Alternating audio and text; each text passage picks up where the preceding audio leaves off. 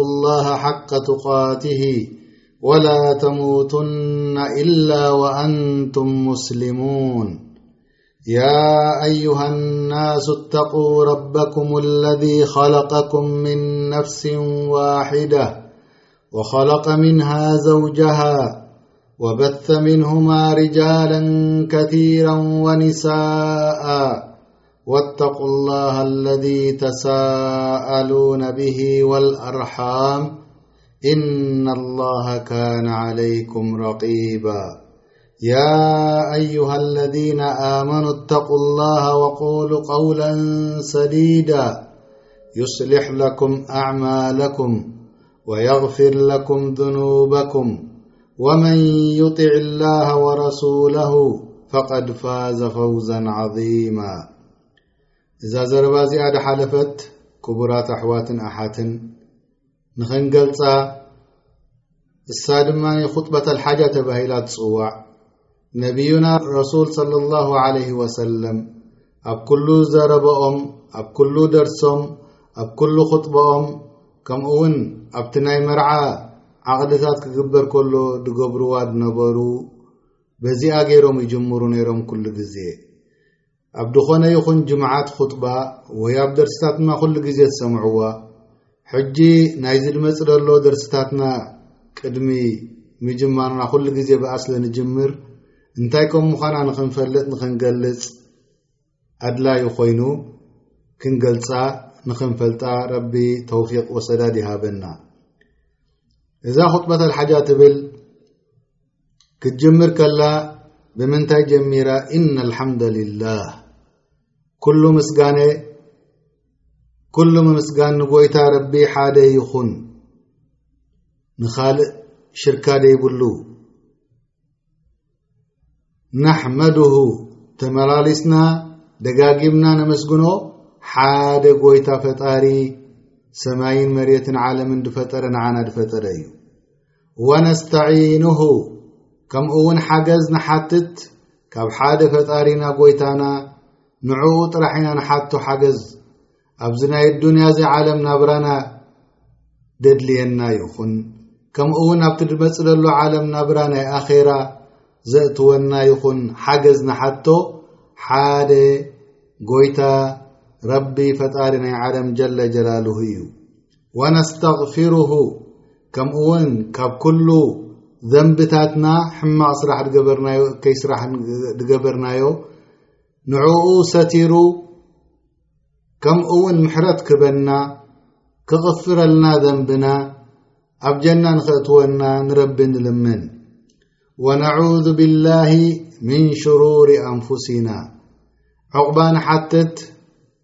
ካብቲ ሕማቕ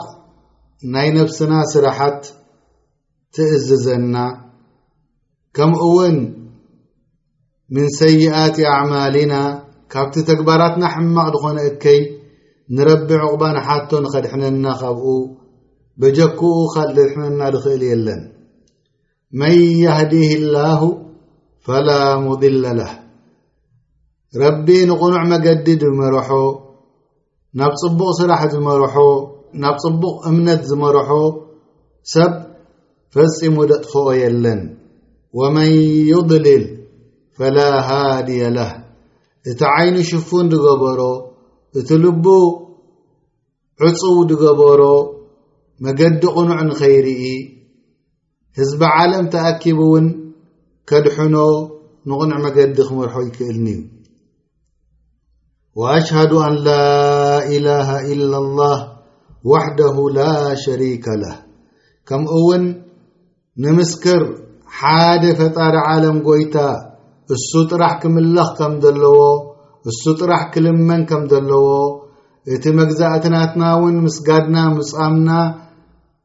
ዝኾነ ይኹን ዒባዳ ንፍጽሞ እውን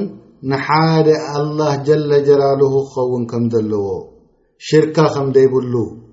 ወኣሽሃዱ ኣነ ሙሓመደን ዓብድሁ ወረሱሉ ከምኡ እውን ንምስክር ሙሓመድ ነቢዩና صለ ላሁ ዓለይህ ወሰለም ናይ ረቢ ልኡኽ ከም ምዃኖም ባርያ ከም ወዲ ሰብ ከም ምዃኖም ንምስክር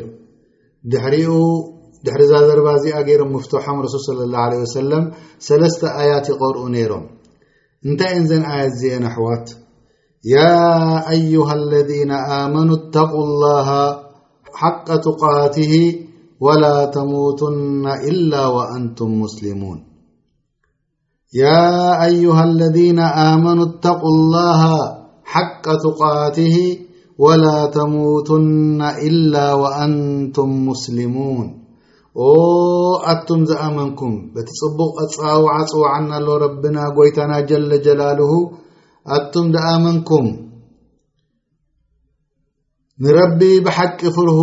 ኣብቲ መንጎኹምን መንጎ መቕጻዕቲ ረብን መከላኸሊ ግበሩ፣ ሓቃዊ ዝኾነ መከላኸሊ፣ ወላ ተሙቱና ኢላ ወኣንቱም ሙስሊሙን፣ ኣብቲ መገዲ ቅኑዕ ድማ ንኽትመቱ ጸዓሩ፣ ኣብቲ እምነት ዝኾነ ናይ እስልምና መገዲ ሒዝኩም ንኽትመቱ እቲ መጨረሻ መዓልትኹም ኣብኡ ንክኸውን ንረብኹም እንዳለመንኩም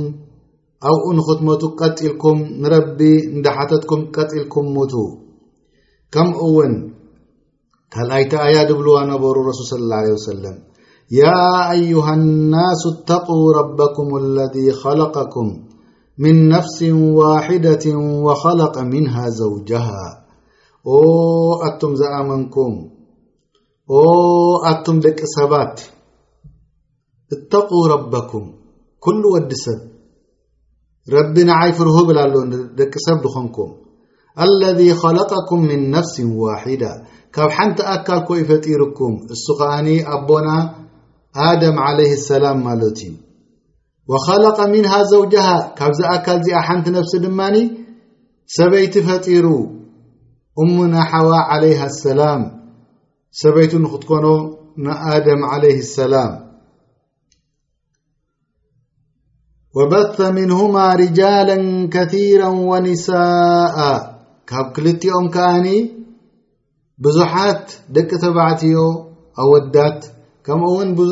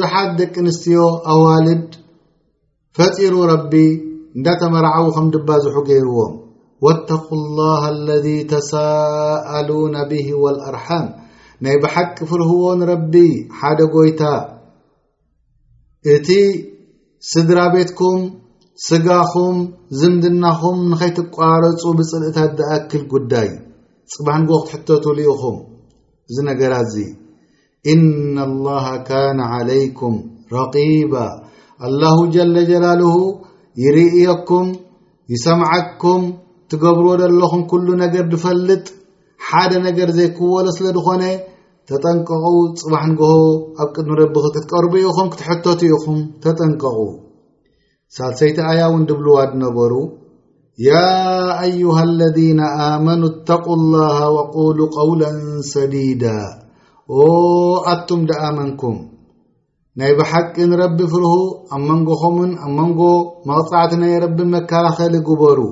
ከምኡውን ቅኑዕ ድኾነ ናብ ቅኑዕ ድመርሕ ጽቡቕ ዘረባ ተዛረቡ። እንድሕር ዝነገር ዝጌርኩም እንታይ ክትረኽቡ ኢኹም? ዩስሊሕ ለኩም ኣዕማለኩም እቲ ስራሕትኹም ኩሉ ቅኑዕ ይገብሮ ረቢ ጎይታ ጀለ ጀላልሁ ወየግፊር ለኩም ዝኑበኩም እቲ ዘንብኹም ከኣ ንረቢ ሸፊኑ ምሕረት የውርደልኩም ወመን ዩጢዕ ላሃ ወረሱለሁ ፈቐድ ፋዘ ፈውዘን ዓظማ ንሓደ ጎይታ ኣምላኽ ረቢ ጀለ ጀላልሁ ሓደ ዝኾነ ንዕኡ ተኣዘዘ ከምኡ ውን ነቲ ልኡኽ ናቶ ነብዩና ሙሓመድ صለ ላሁ ለ ወሰለም ተኣዘዘ በቲ ናቱ መገዲ ገይሩ ንረቢ ተገዘአ ፈቀድ ፋዘ ፈውዘን ዓظማ እቲ ዝዓበየ ዓወት ረኺቡ ኣብ የውም ልቅያማ ዝዓበየ ዓወት ክረክብ እዩ ከምዚ እንዳበሉ ረሱል صለ ላه ለ ወሰለም እዛ ኹጥበት ሓጃ ትበሃል ብኣ ገይሮም ይጅምሩ ነይሮም እዛ ኹጥበት ሓጃ እዚኣ ካብ ሽዱሽተ ሰሓባ ከምኡ ውን ካብ ሓደ ታብዒ ከምዚ ገይሮም ከም ትገብሩ ነበሩ ረሱል ስ ሰለም ተመሓላሊፋትልና ዓብይ ትርጉም ዝሓዘት ከም ምዃና ከኣኒ ናይ ብሓቂ ብዙሓት ዑለማእ ሸሪሖሞ ሓደ ካብቲ ኣብ ግዜ ረሱል ስለ ላ ለ ሰለም ተረኸበ ሓደ ضማዳ ድበሃል ናብ መካ መጺኡ ኣብቲ መጀመርታ ናይ ረሱል صለ ላه ለ ሰለም ልኡኽ ከብጽሑሉ ዝጀመሩ መጺኡ ሰሚዖዎም ነዞም ኩፋር ቁረሽ እንታይ ይብሉ ነይሮም ንሰይድና ሙሓመድ ስለ ላ ሰለም ፅሉል ኢሎም ዝፀርፍዎ ነይሮም ሕሙም ይብልዎ ነይሮም ስለዚ በማዳ ድማ ካብቲ ንሰብ ደሕዊ ብእዝኒ ላሂ ተላ ሩቕያ እንዳገበረ ንሰብ የሕዊ ነይሩ ኣብቲ ሰዓትቲ ካብኡ ምስ ሰምዖም ንክፋር ቁረሽ ንሙሓመድ صለ ላه ለ ሰለም ፅሉል እዩ ሕሙም ይክብልዎ ምስ ሰምዐ እስከ ክኸዶ ክሪኦ ምናልባት ኣላሁ ጀለ ጀላል እቲ ናት ፈውሲ ኣብ ኢደ ይገብሮ ኢሎም እዚ ደማዳ ድበሃል ከይድዎም ማለት እዩ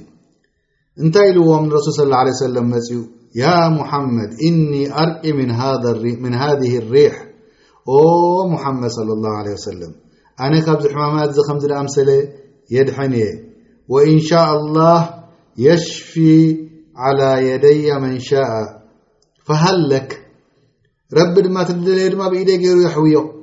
ስለዚ ሲ እዚ ናተይ ሩቕያስ የድልየካ ድዩ እዚ ናተይ ሕክምናስ የድልየካ ድዩ ኢሎም ደማዳ ንረሱል ስለ ላ ለ ሰለም ሓቲቶሞ እንታይ ገይሮም ረሱል ስለ ላ ለ ሰለም ዝምሰምዑ فقال الرسول صلى الله عليه وسلم إن الحمد لله نحمده ونستعينه من يهده الله فلا مضل له ومن يضلل فلا هادي له وأشهد أن لا إله إلا الله وحده لا شريك له وأن محمدا عبده ورسوله أما بعد كمز لم ارسول صلى اله عليه سلم إز مسمع دماد ረድየላሁ ተዓላ ዓንሁ ድገመለይ እስከ ኢልዎ ነዚ ነገር እዚ ድገመለይ ኣዒድሊ ከሊማትክ ሃኡላኢ ደጊሞምሉ ረሱል ስለ ላ ለ ወሰለም መሊሱ ሳልሳይ ግዜ ድገመለይ ኢልዎ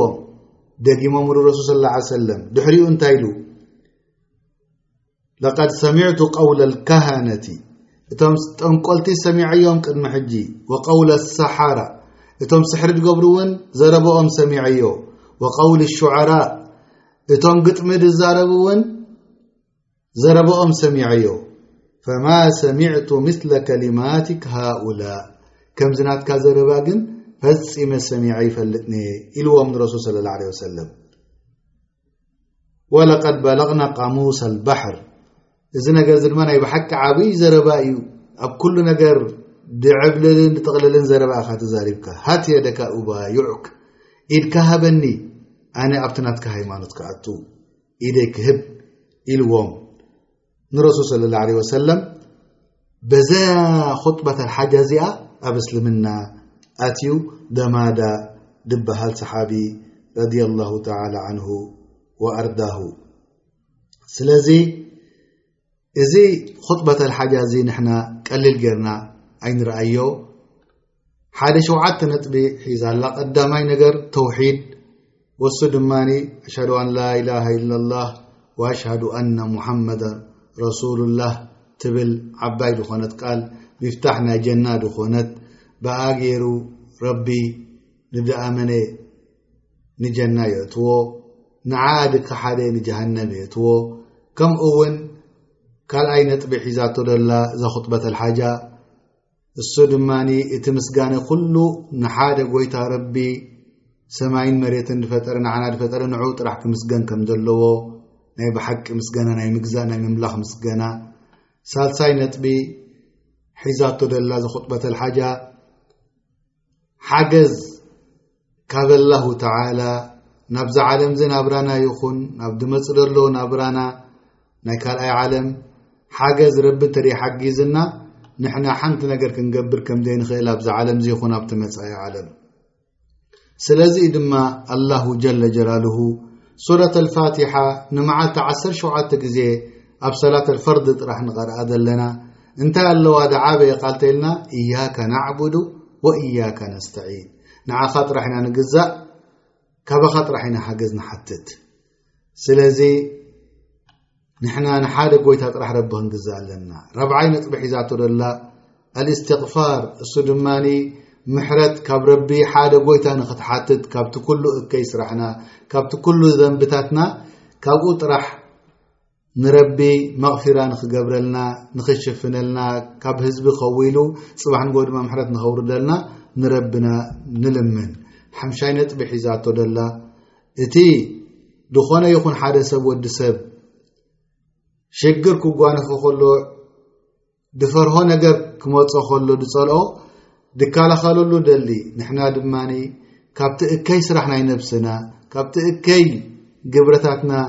ናብ ዕቑባ ናብ ረቢ ቐሪብና ንኽከላኸለልና ንኽሕግዘና ንረቢ ንልምን ከምኡ ድማ ሻድሻይ ነጥቢ ሒዛቶ ደላ እቲ ሂዳያ ናብ ቅኑዕ መገዲ ድመርሕ ሓደ ጎይታ ረቢ ፈጣሪ ስለ ድኾነ እሱ ድመርሖ ድማ ደጥፍኦ ከም ደየለ እሱ ደጥፍኦ ጎይታ ድማ ድመልሶ ከም ደየለ ፈሊጥና ካብ ረቢ ሓደ ሂዳያ ወይ ከዓ ቅኑዕ መገዲ ንክመርሓና ንረቢ ንልምን ሻውዓይ ነጥቢ ሒዛቶ ዘላ እዘን ኣያት ቅድሚ ቅሩብ ዝሓለፋ ዝገለጽክወን ብሰለስተ ኣያት በአን ገይሮም ረሱል صለ ላه عለ ወሰለም ኹጥበት ልሓጃ ይገብሩ ነይሮም ወصለ ላሁ ዓላ ሰይድና ሙሓመድ ዓላ ኣሊ ወሳሕቢ ኣጅማዒን ናብቲ ቕኑዕ መገዲ ረቢ ይምርሓና በቲ ሱና ናይ ረሱል ስ ሰለም ከም ንነብር ይግበረና ተውፊቅ ምን ላሂ ተላ ስለ ዝኾነ ኸኣ ንዑ ንልምኖ ኣልሓምዱልላሂ ረቢ ልዓለሚን ኣሰላሙ ዓለይኩም ወራህመቱላሂ ወበረካቱ ክቡራት ኣሕዋት ክቡራት ኣሓት ብዛዕባ ዛንታ ኣንብያ ቀዳማይ ነገር ቅድሚ ኣብዚ ነገር እዚ ምጅማርና ቅድሚ ኣብዚ ነገር እዚ ምእታውና ብዛዕባ ኣንብያ ክትዛረብ ትኾንካ ናይ ግዲ ንኸውን በቲ ኣወል ነቢ ክትዛረብ ማለት እዩ እሱ ድማ ኣቦና ኣድም ዓለይህ ሰላም ክኸውን ከሎ ግን ንግደድ ቀዳማይ ሰብ ተፈጠረ ኣብዛ ዓለም ኣቦና ኣድም ስለ ዝኾነ ኣፋጠጥራ ናይ ወዲ ሰብ ክንዛረብ ማለት እዩ እዛ ሎም መዓልቲ እዚኣ ብዛዕባ ቀሰሰል ኣንብያ ክንጅምር እንድሕር ኮይንና ንዛረባ ዘረባ ናይ ግዲ ንኸውን ናይ ኣቦና ኣድም ቅድም ክንፈልጥ ድሕር ናቱ ክንፈልጥ ኮይንና ድማ ከመይ ገይር እሱ ተፈጢሩ ንክንፈልጥ ናይ ግዲ ንኸውን ማለት እዩ ስለዚ ናይ ኣቦና ኣደም ከመይ ገይሩ ተፈጢሩ ንሕ ክንፈልጥ ኮይንና ወዲ ሰብ ከመይ ገይሩ ናብዚ ዓለም መፅ ንፍላጥ ማለት እዩ ሎም መዓልቲ ደርሲ ኣብቲ ናቱ ቅሳ ብዙሕ ከይኣተና እንታይ እዩ መጀመርታ ተፈጢሩ ኣብዚ ዓለም ቅድሚ ኣቦና ኣደም ከምኡ ከ ካልኣት ፍጡራት ነይሮም ዶም ቅድሜና እንታይ ዝኸረቢ ብዛዕባኦም ነጊርና እዚ ንክንፈልጥ ናይ ግዲ ንኸውን እንተ ደኣ ግዜና ፈቒዱ ኣብ ቅስተ ናይ ኣቦና ድም ክንኣቱ ኮይና እንተ ደኣ እቲ ግዜ ሓጺሩ ድማ ኣብዛ ዓለም እዚ ከመይ ገይሩ ጀሚሩ ንምፍላጥ ብኡ ክንጅምር ኢና ማለት እዩ ንምንታይ ቀሳሰል ኣንብያ መሪጽና እንድሕር ኢልና እቶም ድበለፁ ድተመረፁ ፍጡራት ደቂ ሰብ ኣብዛ ዓለም ኣብዛ መሬት እዚኣ ድንቀሳቐሱ ድነበሩ ረቢ ድመረፆም መን እዮም እንተይልና እሳቶም ከዓ እቶም ልኡኻት ናይ ረቢ ነብያትን ረሱላትን ኩሎም እሶም እዮም ማለት እዩ ስለዚ ካብኣቶም መገዲ ምውጻእ ክንደይ ኡመም ቅድሜና ዝነበሩ ጠፊኦም ከምኡ ውን እቶም ሩሱል ነብያትን ሙበሽሪን ወሙንድሪን ረቢ ስለ ዝሰደዶም እቲ ናቶም ቀሰስ ከኣ ኣሕሰናል ቀሰስ ኢሉ ስለ ረቢ ዝጸውዖ ንሕና ናይ ግዲ ንኸውን ናይ ሃዋህዉ ልቢ ወለድ ዘይኮነ እንታይ ደኣ ናይ ረቢ ቃል ተረኸበ ነገር ከም ብዓይንኻ ትሪኦ ዘለኻ ገይሩ ስለ ዝገለጸልና እዚ ቀሶሰል ኣንብያ ክንጅምር ኢና እዚ ክንጅምር ከልና ድማ ንረቢ ንልምን ዕድመን ጥዕናን ክበና እሱ ድማኒ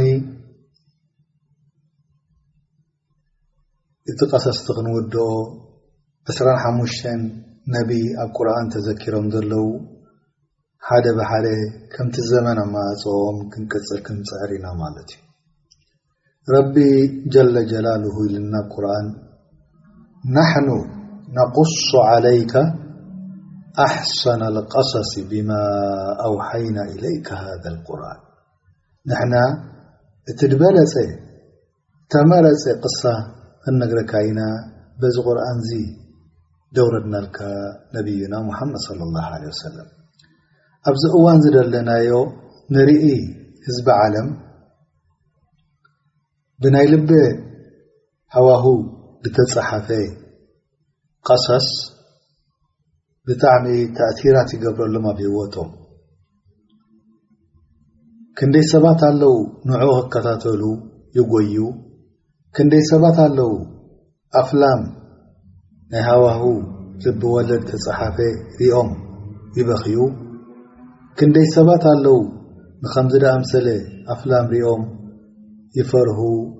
ወይ ይደፍሩ ወይ ድማ እቶም ኣብኡ ተፃወቱ ነዚ ፍልም እዚ ከም ኣብነት ገይሮም ወሲዶም ኣብዛ ዓለም እዚ ዝነብሩ ላኪን ንሕና ንዛረቦ ዘለና ኣፍበል ወኣሕሰነ ልቀሰስ ናይ ተበረፁ ሰባት ረቢ ድመረፆም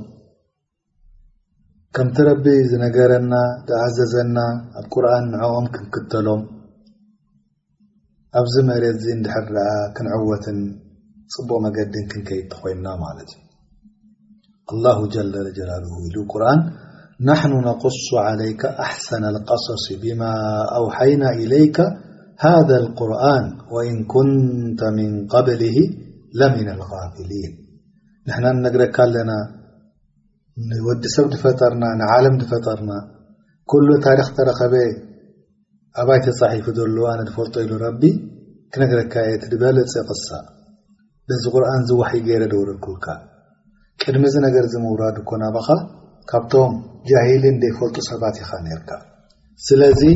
ኣላሁ ጀለ ጀላልሁ እዚ ቁርን እዚ ምልኣኹ ንዓና እንታይ ገይርልና ማለት እዩ ኣሕሰና ኣልቀሰሲ ኮይኑ ረቢ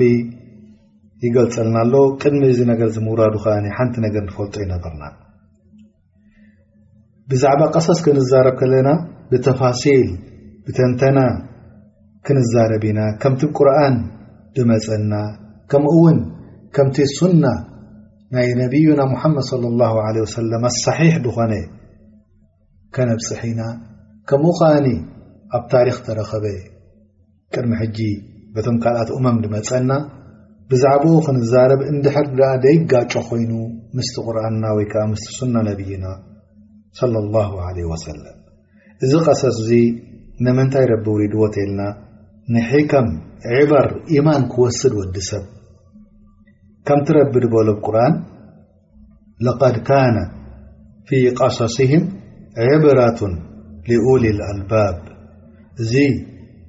ቁርን ዝቕሳ ናይ ነብያት ድመፀኮ እቲ ናቶም ምፍላጥን ኣተንቲንካ ኣተኪርካ ምጥማትን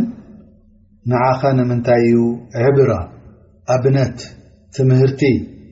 ክትወስድ ካብኡ እዩ ግን ንመን እዙ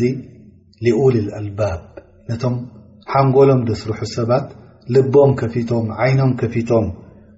ሓንጎሎም ከፊቶም ዝቕበልዎ ምስ እምነቶም ንዕኦም እዩ ማ ካነ ሓዲث ይፍተራ እዚ ቁርን ዝኮ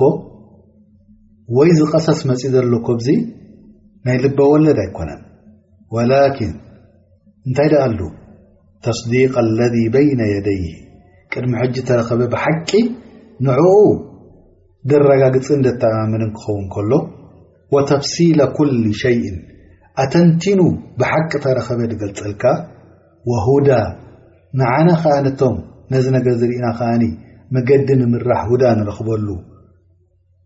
ናብ ቅኑዕ መገዲ ንሕዘሉ ወራሕማ ነቲ ሙእሚኒን ከኣ ንራሕማ ነዚ ነገር እዚ ክኸውን ከሎ ንመን ግን ዚ ንኹሉ ህዝቢ ድዩ ላ እንታይ ኢሉ ረቢ ዓፅዋ ዛኣያ እዚኣ ወሁዳን ወራሕመተን ሊቀውሚ ዩእሚኑን ነቶም ናይ ብሓቂ ሓደ ረቢ ፈጣሪኦም ኣሚኖም ንዕኦም ድመፀ እዩ ዝቐሰስ እዙ ጠይብ ኣብ ቀሳሶኦም እንታይ ክንረክብ ኢና እንድሕር ኢልና غራይብ ሓንጎልካ ክቕበሎ ክስወሮ ዘይክእል ከምኡ ውን ሙዕጅዛት ተኣምራት ዘሎ ኣብ ቀሰስ ናይ ኣንብያ ደንብብ ወዲ ሰብ እንታይ ይኸውን እንድሕር ኢልና የስብር ዓለ ዲን እዚ ዲን ምሓዝ ቀሊል ነገር ኣይኮነን ብፍላይ እኳ ኣብዚ እዋን ዚ በፂሕናዮ ዘለና ቀሊል ነገር ስለ ዘይኮነ ነዚ ዲዚ ክትሕዞ እንድሕር ኮንካ ሰብሪ የድልየካ ማለት እዩ ከምቲ ረሱል ስ ላ ሰለም ዝሓበሩና ኣብ ግዜ ክመፅ እዩ ዲኑ ድሕዝ ሰብ ከምዚ ሓዊ ጨቢጡ ድሕዛ ወይ ፈሓም ተቓፀረት ጨቢጡ ድሕዛ ክኸውን ኢሎ ከምኡ እውን ነዘይ ቀሰስናቶም ምቅራእ ቀጥ የብለካ እቲ ልብኻ ማለት እዩ ዝኾነ ይኹን ፀላኢ ፈንተት ኣየብለካ ዝኾነ ይኹን ተተባኣሰካ ኣብ ኢማንካ ሰጥ ዘብለካ ወላ ሰብ ፀሪፍካ ወላ ኣናሽይካ ነቶም ናይ ኣንብያ ቀሳስ እንዳረኣኻ ድምብርጽ ከይበለካ ኣብዛ ዓለም ክትንቀሳቐስ ምስ እማንካ ትኸእል ኢኻ ማለት እዩ ዒብራ ሊኡልል ኣልባብ ከምኡ ውን ክመፀና እዩ እቲ ቐሰስናቶም ክንደይ በላእ ደሕለፍሉ ኣንብያ ተመሪፆም ከለዉ ካብ ረቢ ካብ ረቢ ተራኢኹም ከለዉ እብትላኣት ተጓነፎም ከምኡ ውን ሓደ ክልተ ነብያት ዱዓ ኢዶም ኣልዒሎም ንረቦም ክልምኑ ከለው ረቢ ከዓ ንዕኦ ሰሚዑ መልሲ ክህቦም ከሎ ከምኡ ውን ክንሰምዕ ኢና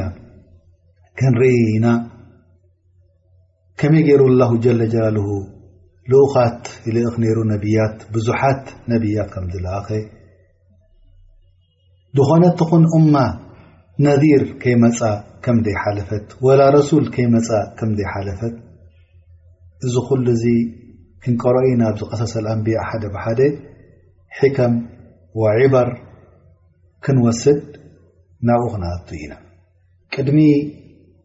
ኣብ ናይ ኣቦና ኣደም ምእታውና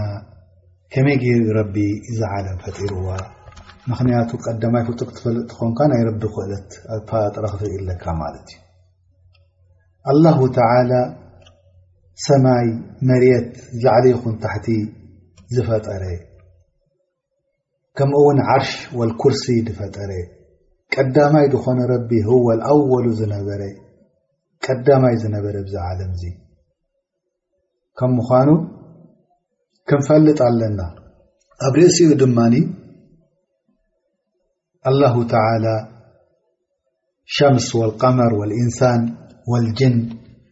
ኣላም ወኑር ኣልኣርዋሕ ናይ ኩሎም ዘሎ ከም ዝፈጠሮ ረቢ ክንፈልጥ ኣለና ኣላሁ ተዓላ ከኣኒ ካብቲ ህዝቢ ድፈጠሮ ይኹን ካብቲ ድኻልእ ድፈጠሮ ንዕኡ ከምድመስል ከምደየለ ክንፈልጥ ኣለና ከምቲ ረቢ ድበሎ ለይሰ ከምትሊ ሸይኡን ወሁወ ኣሰሚዑ ኣልባሲር ኣብ ሱረት ኣሹራ ኣላሁ ተዓላ ንዕኡ ድመስል የለን እሱ ኸኣኒ ሰሚዕ በሲር ድኾነ ጎይታ እዩ ጀለ ጀላልሁ ሰሚዕ በሲር ዝኾነ እዩ ጎይታ ጀላ ጀላልሁ ስለዚ ንዕኡ ኣላህ ዝመስል ከም ዘየለ ፍለጡ ብዛዕባ ቅሳ ናይ ቅድሚ ነቢ ምእታውና ከምዚ ዝዝክሮ ዘለኹ ብዛዕባ ምንታይ ክንዛረብ ኢና ንብል ኣለና ብዛዕባ ፋጣጥራ ናይ ረቢ ኣላሁ ጀለ ጀላልሁ ከምዚ ዝበልክዎ ኩሉ ነገር ክፈጥር ከሎ እዚ ነገር እዚ ላዕሊ ይኹን ታሕቲ ክፈጥር ከሎ እንታይ ይብለና ኣሎ ማለት እዩ ረቢ ኣብዚ ነገር እዚ ክንሰምዕ ናይ ግዲ ንኸውን ማለት እዩ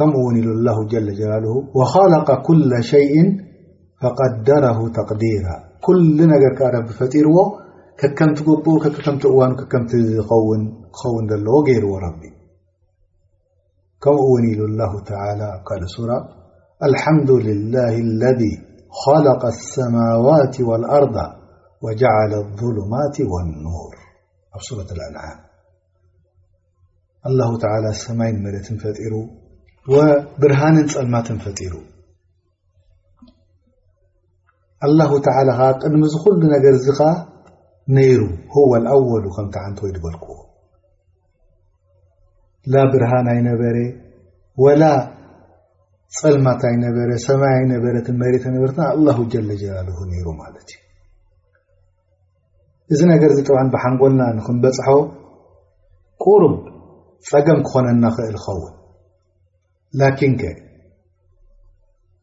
ረቢ ካብ በለና ናይ ረቢና ክንቅበል ኣለና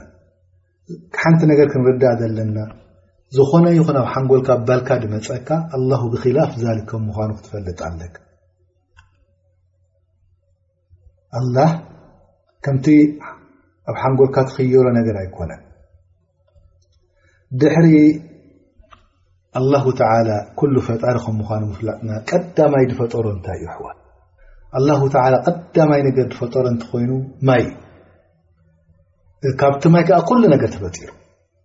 ካብ ማይ ኩሉ ነገር ከዓ ፈጢርዎ ረቢ ስለዚ በቲ ማይ ቀዳማይ ከም ምኳኑ ክንፈልጥ ከለና እዚ ከዓ ካብ ዓቕልና ክንበፅሖ ተደክኢልና ብደሊል ሸርዒ ከምቲ ዕለማ ደሕለፉልና ከምኡውን ከበር ረሱል ስ ሰለም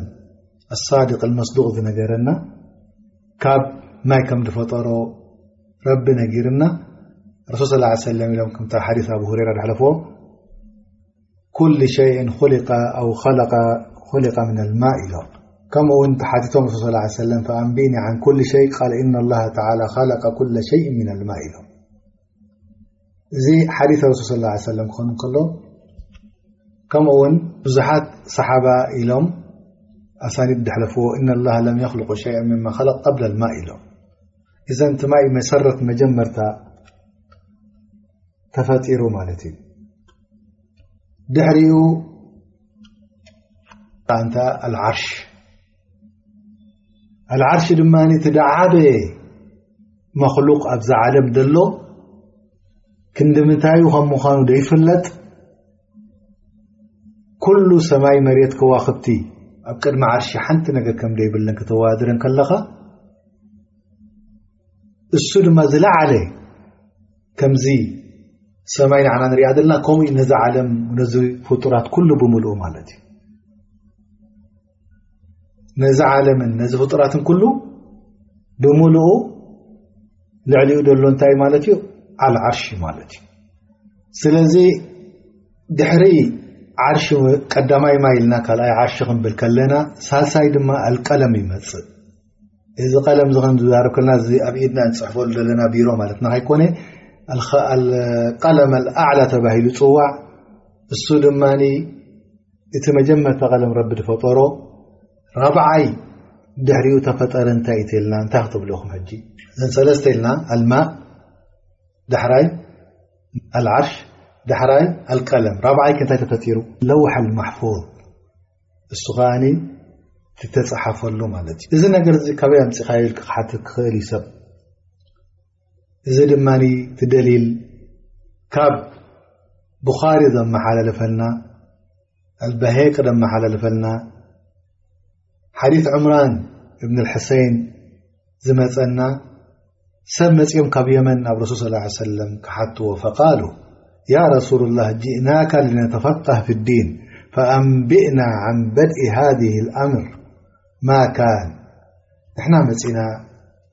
ክንፈልጥ ሃይማኖትና ኣብ ዲና ተፈኮ ክንገብር ንገረና ዚ ዓለም ዚ ከመይ ገይሩ ጀሚሩ ኢሎሞ እንታይ ኢሉ መሊሰሎም ረሱል ስ ሰለም ካነ ላሁ ወለም የኩን ሸይን غይሩ ኣላ ነይሩ መጀመርታ ቅድሚኡ ሓደ ነገር ኣይነበረን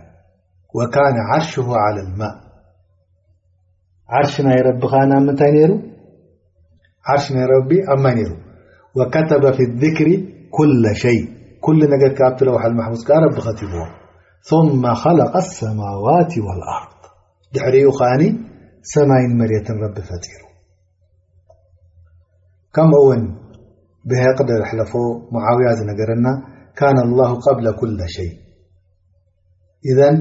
ረሱል ስ ላ ሰለም ምስ ሓተትዎ እንታይ ኢሎም ኣላሁ ቀዳማይ ነይሩ ካነ ላ ወለም የኩን ሸይ غይሩ በጀካ ረቢ ቅድሚኡ ሓደ ነገር ኣይነበረን ስለዚ ኣስሉ ካብዚ ሓዲስ ዚ ዘልዩ እንታይ ተርቲባት ዝቕርብ ጌርና ይነበርና በዚ ጌርና ንፈልጥ ኣለና ማለት እዩ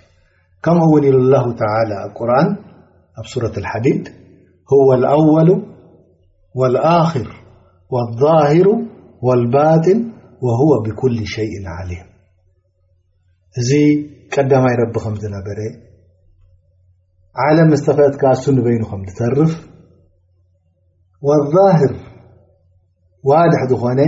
ወልባጥል ስውር ዝኾነ እዚ ነገር እዚ ኸዓ ቀዳማይ ኣላሁ ተዓላ ጀለ ጀላልሁ ማለት እዩ ስለዚ እንታይ ንብል ማለት እዩ እዚኦም ሓደ ኸልተ ሰባት ዓለም መጀመርታ እዩ ነይሩ ኣይተፈጠረን ወይ ከምኡ ኢሉ መፅኢ ሱድፋ ድብሉ ኩፋር ከም ምዃኖም በዚ ኣያት በዚ ኣድላ ዝሓለፈ ንፈልጥ ማለት እዩ ወይ ዝኹሉ ነገር ድርከብ ከ ኣስቁልካ እዩ ናቸሪ ትብሉ ኣላሁ ተላ ከም ትፈጠሮ ካብዛ ኣድላ ዝ ንመፅእ ማለት እዩ ይብ ሓዲ ኣሎ ኣልእማም ኣሕመድ ደመሓላለፍዎ እንታይ ይብል ኣወሉ ማ ኸለق ላሁ ቀለም ثመ ቃል ኣክቱብ ፈጀራ ብማ ሁወ ካይን ኢላ ዮም ልቅያማ ኣወሉ ማ ኸለቀ ላሁ እንታይ ይብል ኣሎ ኣልቀለም እቲ መጀመርታ ክፈጥር ከሎ ቀለም ይፈጢሩ ثመ ቃል ኣክቱብ ነቲ ቀለም ፀሓፍ ኢልዎ ኣወሉ ማ ኸለቀ ላሁ ኣልቀለም ثመ ቃል ኣክቱብ ሓንቲ ጥቕሚ ፋኢደ ካብዚኣ ታይ ንረክብ ስለዚ ቀዳማይ ክፈጥር ከሎ ረቢ ቀለም ፈጢሩ ثመ ቃል ለ ኣክቱብ እዚ እንታይ ይርዳ ምስለኩም ካብዚ ለጢፍ ኣበሃል እዚ ሕቡእ ነገር ቀለም ይሰምዕ ይዛረብ ከምምኳኑ ቃለ ወማ ኣክቱብ ፊ ርዋያ እንታይ ክፅሕፍ ኢሉ እዘን ቀለም ሰሚዑ ተዛሪቡ ከመይ እዩ እዚ ንሕና ንፈልጦ ነገር የለን ኣላሁ ተላ ነጊርና ቁርን እንስሳ ከም ተዛረቡ ከም ህድሁድ መሳሊ ፃፅ ከም ተዛረበት ገሊፅልና ንሕና ንፈልጦ ነገር የለን ላን ከም ተዛረበ ንፈልጥ ቃለ ለ ክቱብ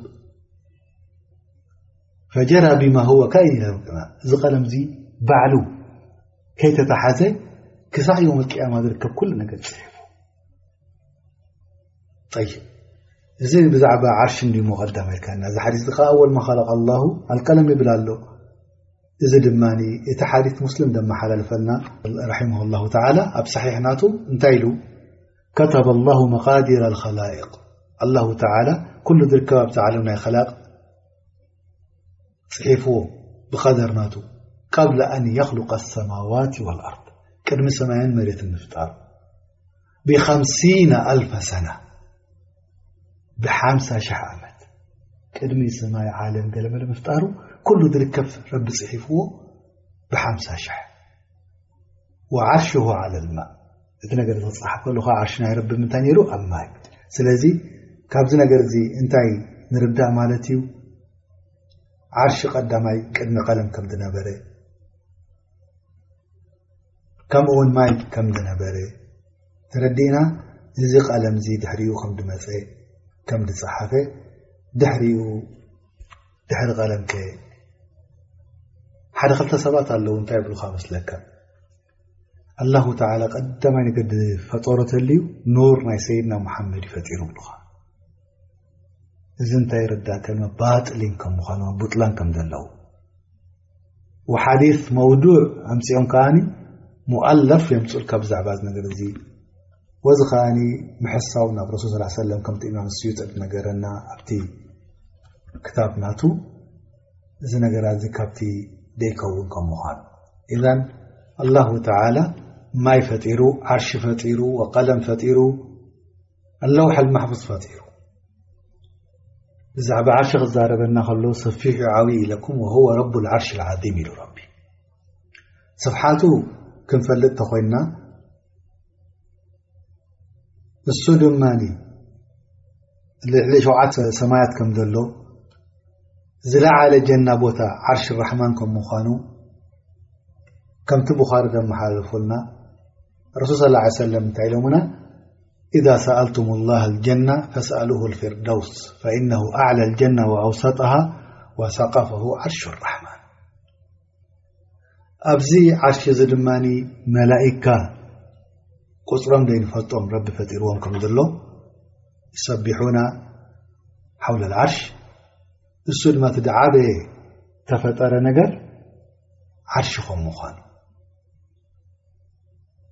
ብስፍሓቱ ይኹን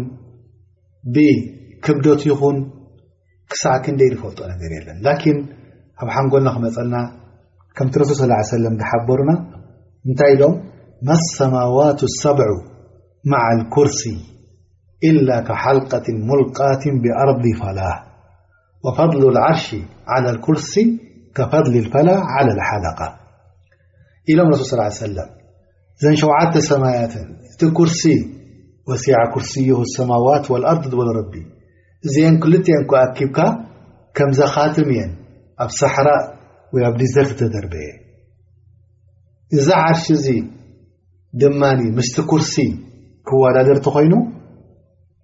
ከምታ ካትም ኣብቲ ሳሕራ ተደርብያ ዘላ ክንዳ ቦታኻ ኢድ ወስል ስለዚ እንታይ ንርዳ ማለት እዩ ክሳዕ ክንደይ ከም ምዃኑ ዚ ዓርሺ ከምደይ ንፈልጦ እዚ ዓርሺ እዚ ከዓኒ ኣርባዕተ መላእካ ይስከምዎ ካብቶም ድዓበዩ መላእካ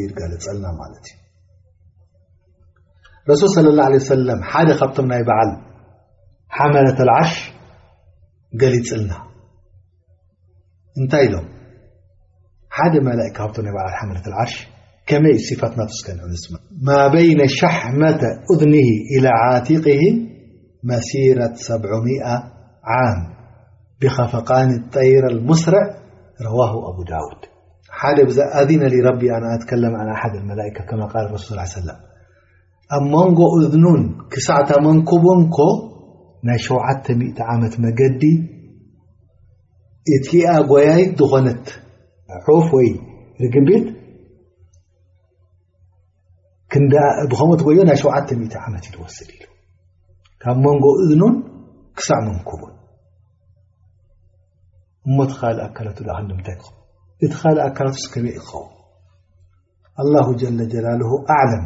ንምንታይ እዚ ዓርሺ እዚ ፈጢርዎ ሕክመ ምን ሕከምሂ ከምቲ ረቢ ዝበሎ ዓርሺ እዚ ሰሪር ናይ ሙልክ ይሽሕ ወዓርሽሁ ዓለ ልማእ እቲ ነገር ዝፅሓፍ ከሉ ከ ዓርሺ ናይ ረቢ ምንታይ ነይሩ ኣብ ማይ ስለዚ ካብዚ ነገር እዚ እንታይ ንርዳእ ማለት እዩ ዓርሺ ቀዳማይ ቅድሚ ቀለም ከም ዝነበረ ከምኡውን ማይ ከም ድነበረ ተረዲእና እዚ ቀለም እዚ ድሕሪኡ ከም ድመፀ ከም ድፀሓፈ ድሕሪኡ ድሕሪ ቀለም ከ ሓደ ክልተ ሰባት ኣለዉ እንታይ ብሉካ መስለካ ኣላሁ ተላ ቀዳማይ ነገድ ፈጠሮ ተልዩ ኑር ናይ ሰይድና መሓመድ ይፈጢሩ ብሉካ እዚ እንታይ ረዳእ ከ ባጥሊን ከም ምኳኑ ቡጥላን ከም ዘለዉ ወሓዲት መውዱዕ ኣምፂኦም ከዓ ሙኣለፍ የምፅልካ ብዛዕባ ዚ ነገር እዚ ወዚ ከዓ ምሕሳው ናብ ረሱል ስ ሰለም ከምቲ እማም ስዩጥ ነገረና ኣብቲ ክታብ ናቱ እዚ ነገራት እዚ ካብቲ ደይከውን ከም ምኳኑ እዘን ኣላሁ ተላ ማይ ፈጢሩ ዓርሺ ፈጢሩ ወቀለም ፈጢሩ ኣለውሓል ማሕፉዝ ፈጢሩ ብዛዕባ ዓርሺ ክዛረበና ከሎ ሰፊሑ ዓብዪ ኢለኩም ወህወ ረቡ ዓርሽ ዓም ኢሉ ረቢ ስፍሓቱ ክንፈልጥ ተኮይንና ንሱ ድማ ልዕሊ ሸውዓተ ሰማያት ከም ዘሎ ዝለዓለ ጀና ቦታ ዓርሽ ራሕማን ከም ምኳኑ ከምቲ ብዃሪ ዘመሓላለፉልና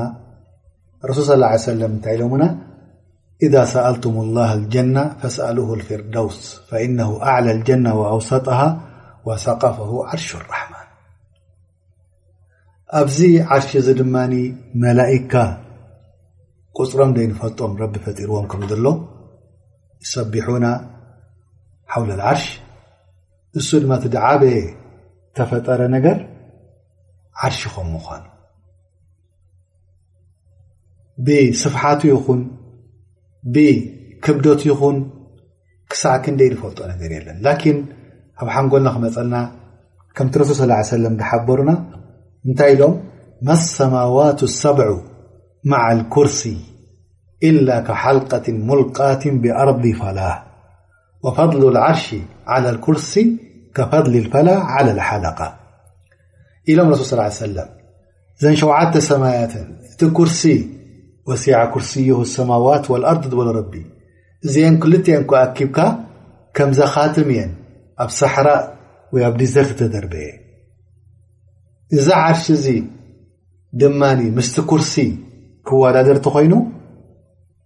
ከምታ ካትም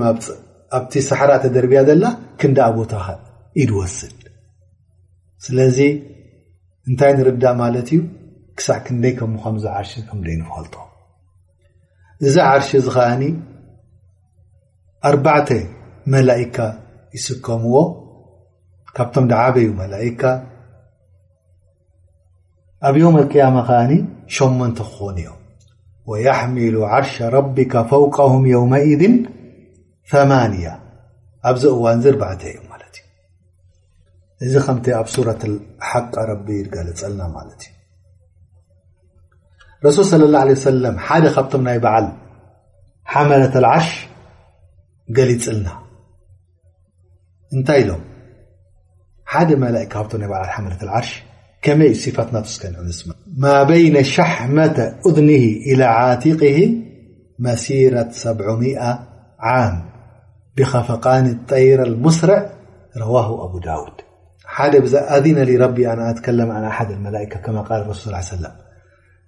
ኣብ መንጎ እዝኑን ክሳዕታ መንኩቡን ኮ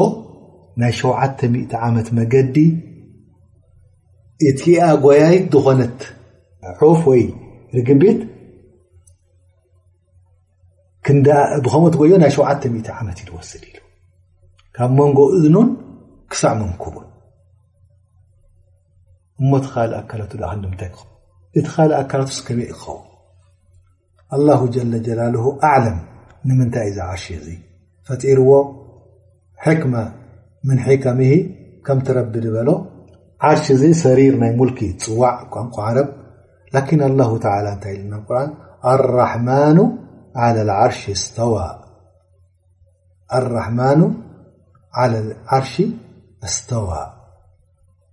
ስለዚ ንሕና እዚ ዓርሲ እዚ ከም ዘሉ ክንኣምን ብغይቢ እዩ ክንፈልጥ ኣለና ዳሕራይ ከምቲ ድበልክዎ ድሕሪ ዓርሽ ኣላه ተላ እንታይ ፈጢሩ ኣልመክሉቃት ኣልቀለም ወባዕድ ቀለም ኣለውሕ ልማሕፉظ እሱ ድማ ራብዓይ ተፈጠረ ማለት እዩ እዚ ለውሓል ማሕፉዝ ዝኸኒ ኩሉ ኣብዚ ዱንያ ዝርከብ ናይ ኩሎም ፍጡራት ይንኣሱ ይዕበዩ ፃፀያ ትኾኑ ካብኦም ተሓቱ ሓሰኻታት ወዲ ሰብ ይኹኑ ኣግናን መላይካታት ናይ ብዛዕባኦም ኩሉ ተፃሒፉ ዘሎ ክሳዕ ኒሃያ ናይዚ ዱንያ እዚኣ ትጠፍእ ዚ ዓለም እዚኣ እሱ እዩ ከምቲ ዓንተ ወይ ዝበልክዎ ኣወል ማ ኸለቀ ላሁ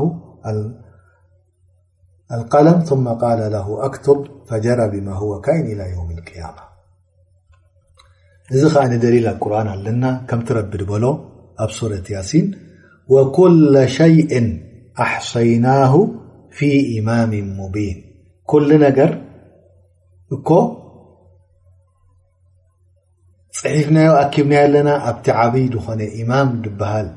لوح لمحفوظ كم نبت حث عن محللفك كتب الله مقادر الخلائق قبل أن يخلق السماوات والأرض بسألف سنة وكان عرشه على الماء ذ حدث الإمام مسلم محللف ا دحري نت فلرب ሰማይን መሬትን ፈጢሩ ከምቲ ረቢ ድበሎ ኣላሁ ለذ ኸለቀ ሰብዓ ሰማዋት ወምና ኣርض ምثላሁን ኣብ ሱረት ኣጠላቅ ሸውዓተ ሰማያትን ወተን ሸውዓተ መሬትን ረቢ ፈጢርዎን እዘን ካብዚ ንርዳእ ሸውዓተ ሰማይ ሸውዓተ መሬት ከም ዘሎ ማለት እዩ ጠይብ እዛ ሰማያት እዚኣ ክሳዕ ክንደይ ርጉደታ ክሳዕ ክንደይ ከብቲ ሓንቲ ሰማይ ናብቲ ሓቲ ሰማይ ዝፈላለሎ ተልና ሓን ኣብ መንጎ እቲ ርጉዲ ናይታ ሰማይ ናይ ሓሙሽተ ዓመት መገዲ ድኣክል እዩ ኩሉ ሰማይ ድማኒ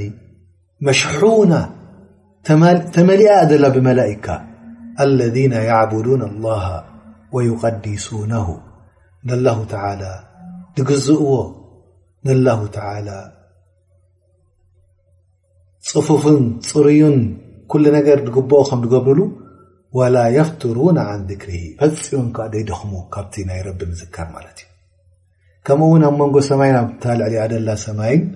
ክንደይ ኣሎ ተልና መሳፋ ከምሱ ሚት ዓም ሓሙሽተ ሚት ዓመት መሳፋ እዩ ደሎ ከምኡ እንዳበልካ ናይተን መሬታት ከዓ ክንደይ ከም ዘለዎን ኣላሁ ኣለም እዚ ከዓ ሓዲስ ረሱል ስ ሰለም ደመሓላልፎና ማለት እዩ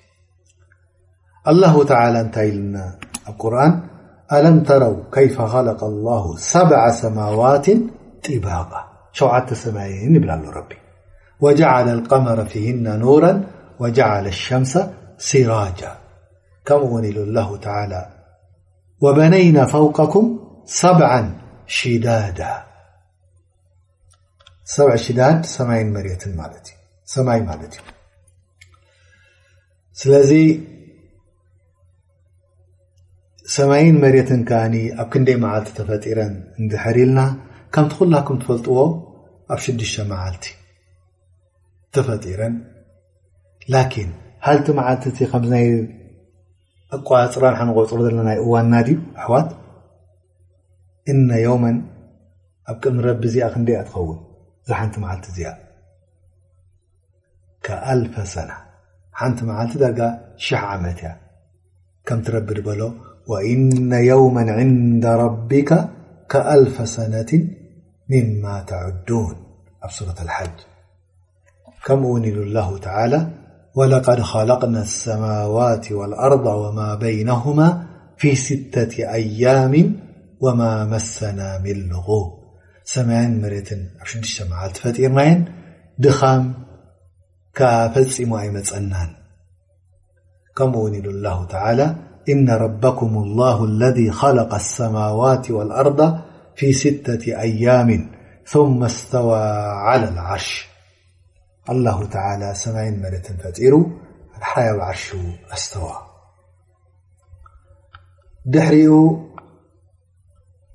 ከመይ ተፋሲል ከኣ ረቢ ገሊጽልና እሱ ድማ እታ መሬት ኣብ ክልተ መዓልቲ ከም ተፈጠረት ከምኡ ድማ ሰማይን ሸውዓተ ድማ ኣብ ክልተ መዓልቲ ከም ተፈጠራ ከምኡ ድማ እቲ ኣብ መሬት ዘሎ ጅባል ይኹን ወዲ ሰብ ይኹን ኣንሃር ይኹን ንወዲ ሰብ ዝጠቅም ኩሉ ነገር እንታይ ፈጢርዎ ኣብ ክልተ መዓልቲ ፈጢርዎ ስድሕሪኡ ወዲ ሰብ ተፈጢሩ ማለት እዩ ሽዱሽተ መዓልቲ ሰማይን መሬትን ኣብ መንጎኣን ዘሎ ኩሉ ነገራት ምስ ፈጠረ ድሕሪኡ ወዲ ሰብ ፈጢሩ ከምቲ ኣላህ ከዓ ንእብሊስ ፈጢሩ እሱ ከዓ ኣቡልጅን እዩ ከምኡ ውን ኣደም ፈጢሩ ዓለ ሰላም እሱ ከዓ ኣቡልበሸር እዩ እቲ ኣወል ኣንብያ ረቢ ዝኸለቆ እንታይ ተልና እሱ ኣደም እዩ እሱ ድማ ዮም ልጅምዓ ረቢ ኸሊቅዎ እس ቲ أفضل أያامና እዩ ከምቲ رسل صلى ا عيه سلم حበሩና ኣብ صحح مسلም ደمሓللفና خير يوم طلعت عليه الشمس يوم الجمع فيه خلق دم وفيه أድخل الجنة وفيه أخرج منها دበለ عለ ዚ عል يوم الجمع እዩ እሱ ድማ ኣብኡ ተፈጢሩ ኣደም ኣብኡ ኣብ ጅምዓት መዓልቲ ከኣ ረቢ ንጀና እትዎ ኣብ ጅምዓት ከኣ ካብ ጀና ኣውፅዎ ዮም ልጅምዓ ድማ ዮም ኣልቅያማ ኣብ ሕሳብ ኣብ በዓት ክንቀርብ ኢና ማለት እዩ ረቢ ጀለ ጀላልሁ ንኣደም ክፈጥር ከሎ ካብ መሬት ሓመድ ወሲዱ ምስ ማይ ናይ ጀና ላዕጢጡ ለዊሱ ፈጢርዎ ጤን ወይ ከዓ ጭቃ ኮይኑ ኣርባዒና ዮመን ገዲፍዎ ዳሕራይ ሰልሳል ኮይኑ ከልፈኻር ሰልሳል ተልፈኻር እንታይ ድበሃል ከምዚ ክትወቕዖ ከለኻ ጀበና ገለመለ ጥዑይ ከም ምዃኑ ክትፈልጥ ኳሊቲ ናቱ እንታይ ገብሩ ብዓድና ነይሮም ኣዴታትና ከምትቐድም ክንሪኦን ከለና ኳሕኳሕ ኣቢለን ብኢደን ገይረን ወይ ከዓ በቲ ነቲ ጀበና ክሳዕ ክንደይ ጭልጭል ከም ድብል እዚ ሰልሳል ተባሂሉ ፅዋዕ ከልፈኻር ዳሕራይ ዓፅሚ ወላሕም ወደም ገይሩሉ ረቢ ዳሕራይ ነፍኽ እሱ ድማ ህወት ሂብዎ ማለት እዩ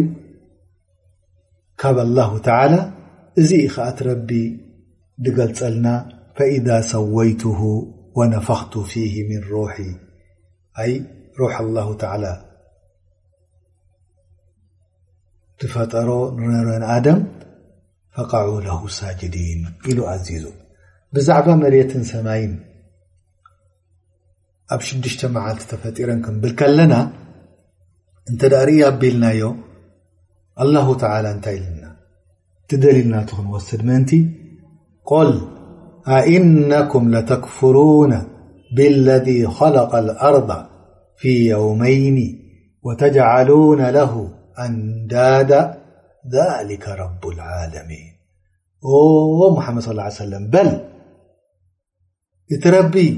መሬት ዝፈጠረ ኣብ ክልተ መዓልቲ ንዕኡስ ካልኣይ ሳልሳይ ትገብርሉ ኣለኹም ንዕኡ ዝመስል ኮ የብሉን ካልኣ ትገብርሉ ኣለኹም ትግዝእዎ ረቢ ዓለሚን ዝኾነ ኮዩ ዓለሚን ማለት ከኣ ኩሉ ፍጡር በጀካ ላሁ ተላ ማለት እዩ ወጀዓለ ፊሃ ረዋስያ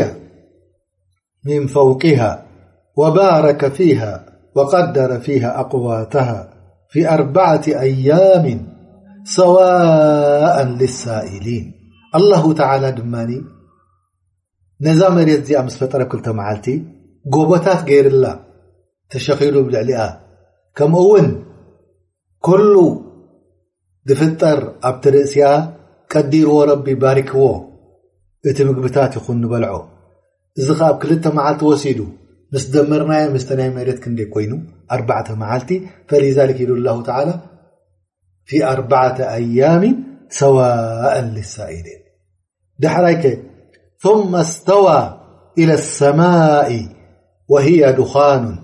فقال لها وللأرض ائتيا طوعا أو كرها قالتا آتينا طائعين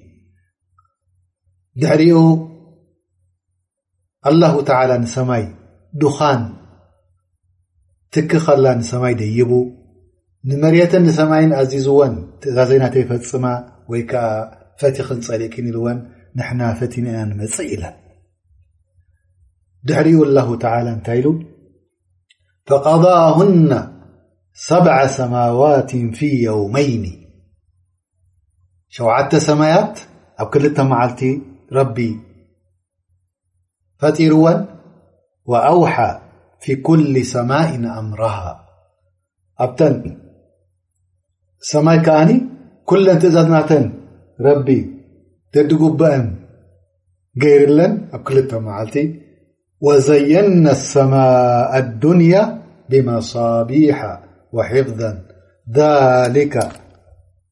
ተቅዲሩ ዓዚዙ ዓሊም ዓዚዝ ዓሊም ድሕሪኡ ከዓኒ ነታ ሰማይ ከዓኒ ከዋኽብቲ መብራህቲ ገይርላ መሸለምታ ገይርላ እዚ ነገር እዚ ድማ ኣላሁ ተላ ዓዚዝ ድኽልክሎ ዶ የለ ድላይ ድፍጽም ፈላጥ ጎይታ ድኾነ እዚ ከ ኣብ ሱረት ፍሲለት መጺእና ኣሎ ማለት እዩ ካብ ትሸዓተ ክሳዕ ዓሰርተ ክልተ ስለዚ ኣላሁ ተዓላ መርት ኣብ ክልተ መዓልቲ ምስ ፈጠረ ድሕሪኡ ሰማይ ኣብ ክልተ መዓልቲ ፈጢሩ ድሕሪኡ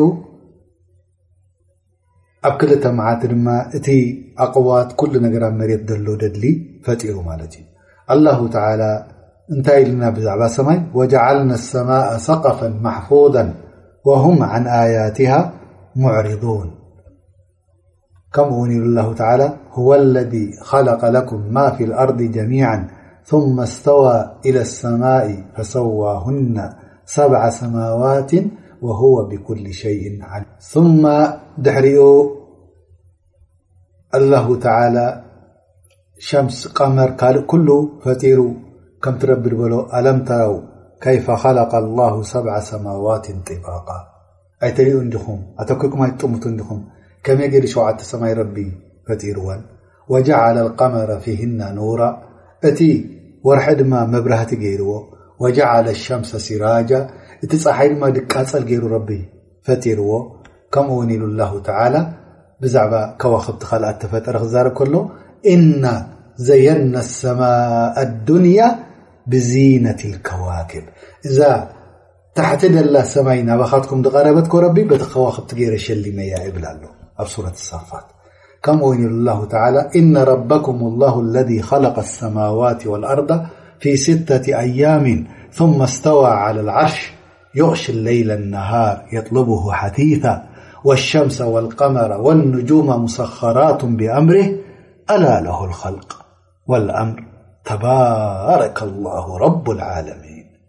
ተባረከ ላሁ ረብልዓለሚን ኣላሁ ተላ ኩሉ ፈጢሩ ሰማይን መሬትን ኣብ ሽዱሽተ መዓልቲ ኣብ ዓርሽ ስተዋ ዳሕራይ መሬት ለይትን መዓልትን ፈጢርላ ከም ድላይ ገይሩ ገማጥሎ ረቢ ፀሓይን ከምኡውን ወርሕን ከምኡ ካልእ ከዋክብቲ ሙሰኸራት በቲ ረቢ ድኣዘዘን ድፍፀማ ንዓና መሳልሕ ንዓና ጥቕሚ እዚ ኹሉ ድማ ኣላሁ ተላ ጠብዓ እዚ ክኸውን ከሎ ኣላሁ ተላ እዛ ኣርዲ እዚኣ ድማ ከባብ ከላ ንዓና ከም ንቕመጠላ ንኽእል ገይርዎ ከምትረብድበሎ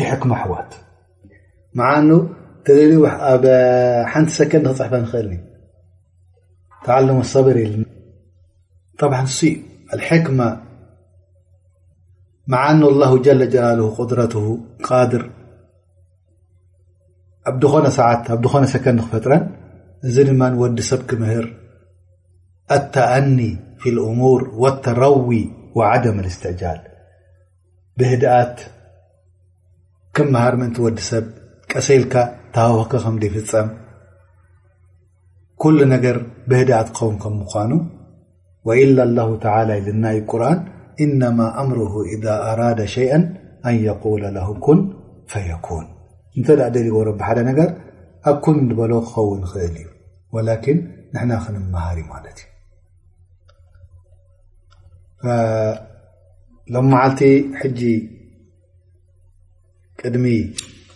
ናብ ካልእ ናይ ቅሰት ኣደም ምእታውና ብዛዕባ ኣፓጣጥራ ናይዚ ዓለም ተዛሪብና እዚኣ ሙቀድማ ወይ ከዓ መእተዊ ናብ ተቀሳሰል ኣንብያ ትኸውን ስለ ዘላ ናይ ግዜ መሕፃርካ ሎ መዓልቲ ኣብዚኣ ጠጠውኩም ብሎ መዓልቲ እንሻ ላ ድመፅ ደሎ ኣደም ኣ ፋጣጥሩኡ እንዳረኣና لت آيات بزعبق وردي قصنت أسعبنا هنقلنا ندعو الله تعالى بأسمائه الحسنى وصفاته العلى أن يرينا الحق حقا ويرزقنا اتباعة وأن يرينا الباطل باطلا ويرزقنا اجتنابة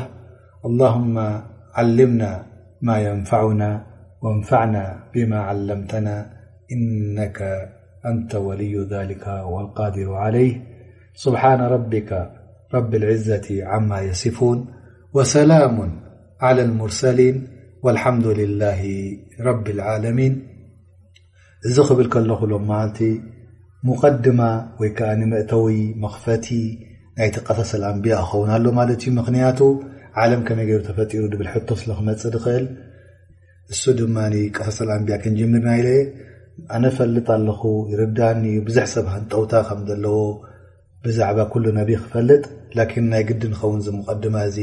መሰረት ክኾነና ካብኡ ተበጊስና ወዲ ሰብ ከመይ ገይሩ ተፈጢሩ እንዳረኣና ኣያት እንዳሰማዕና ኣሓዲት እንዳዘከርና ክንከይድ ረቢ ጥዕናን ዕድመን ይሃበና ጀዛኩም ላ ኸይራ